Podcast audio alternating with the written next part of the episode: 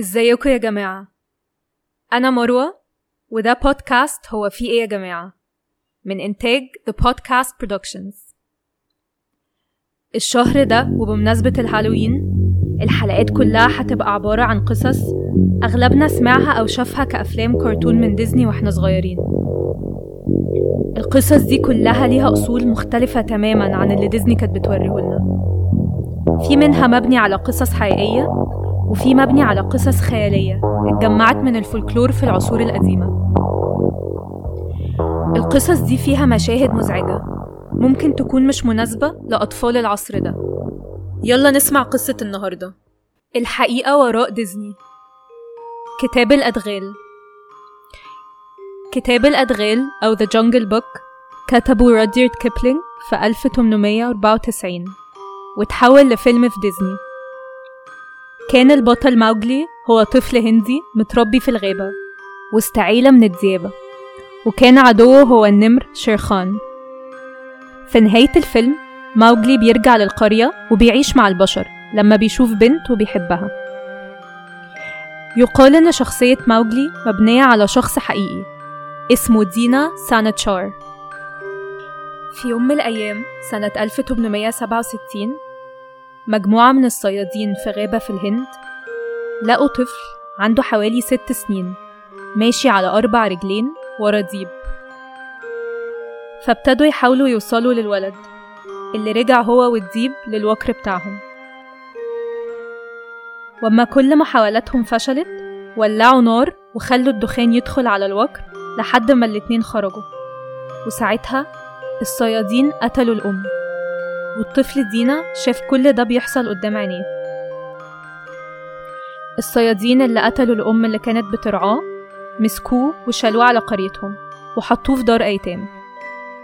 ودار الأيتام دي ادوله اسمه وابتدوا يحاولوا يعلموه لكن سانتشار عانى علشان يتعامل معاهم. تعليم اللغة عند الأطفال بيبتدي في أول سنتين وده بيبقى جزء مهم قوي في نمو العقل البشري. والعلم الحديث قدر يثبت إن قدرة الإنسان إنه يتعلم لغة بتنتهي عند خمس سنين. لو ما حصلش حاجة قبل السن ده تنشط المخ في الحتة دي بيبقى مستحيل الشخص يتعلم لغة.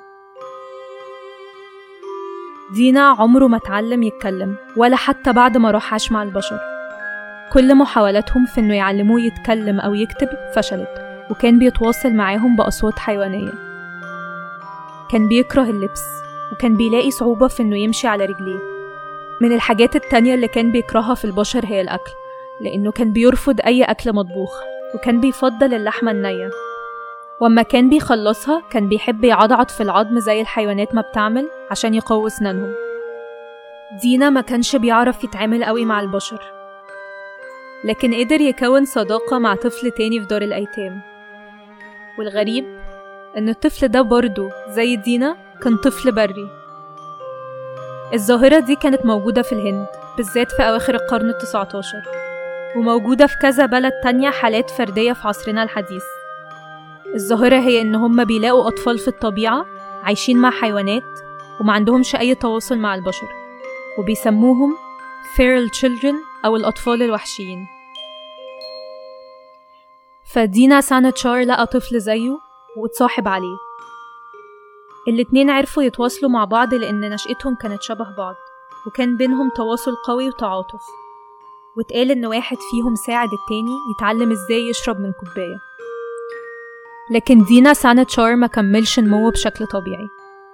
ولا ذهنيا قدر ينمو بعد المرحلة اللي لقوه فيها ولا جسمه كبر قوي وعلى سن ال 18 كان لسه طوله 150 سنتي. مع الوقت ابتدى يتعود شوية على عادات بشرية. بقى نوعا ما بيبين إنه بيفهم الناس في الدور. وابتدى يمشي على رجله ويقف. وابتدى يلبس هدوم. وفي عادة غريبة هي اللي اتعلمها. وهي إنه يشرب سجاير. لحد ما أدمنها. وفي بيقولوا إن هو ده اللي جابله السل اللي في الآخر أدى لوفاته. سانتشار عمره ما عرف يستقل أو يندمج في المجتمع. أو يتعامل مع ناس غريبة. وتوفى سنة 1895 وكان عنده وقتها تقريبا 29 سنة. يمكن لو كان كمل مع الديابة كان هيموت قبل السن ده. لكن هل كان إنه يتاخد من الغابة ويتحط في الدار من غير أي رعاية خاصة هو أصح حاجة؟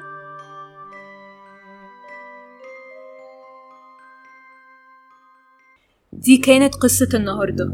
لو عجبتكم أو حسيتوا إنكم عايزين تقولوا هو في إيه يا جماعة يبقى ما تنسوش تعملوا like و subscribe و share واستنوا القصة الجاية.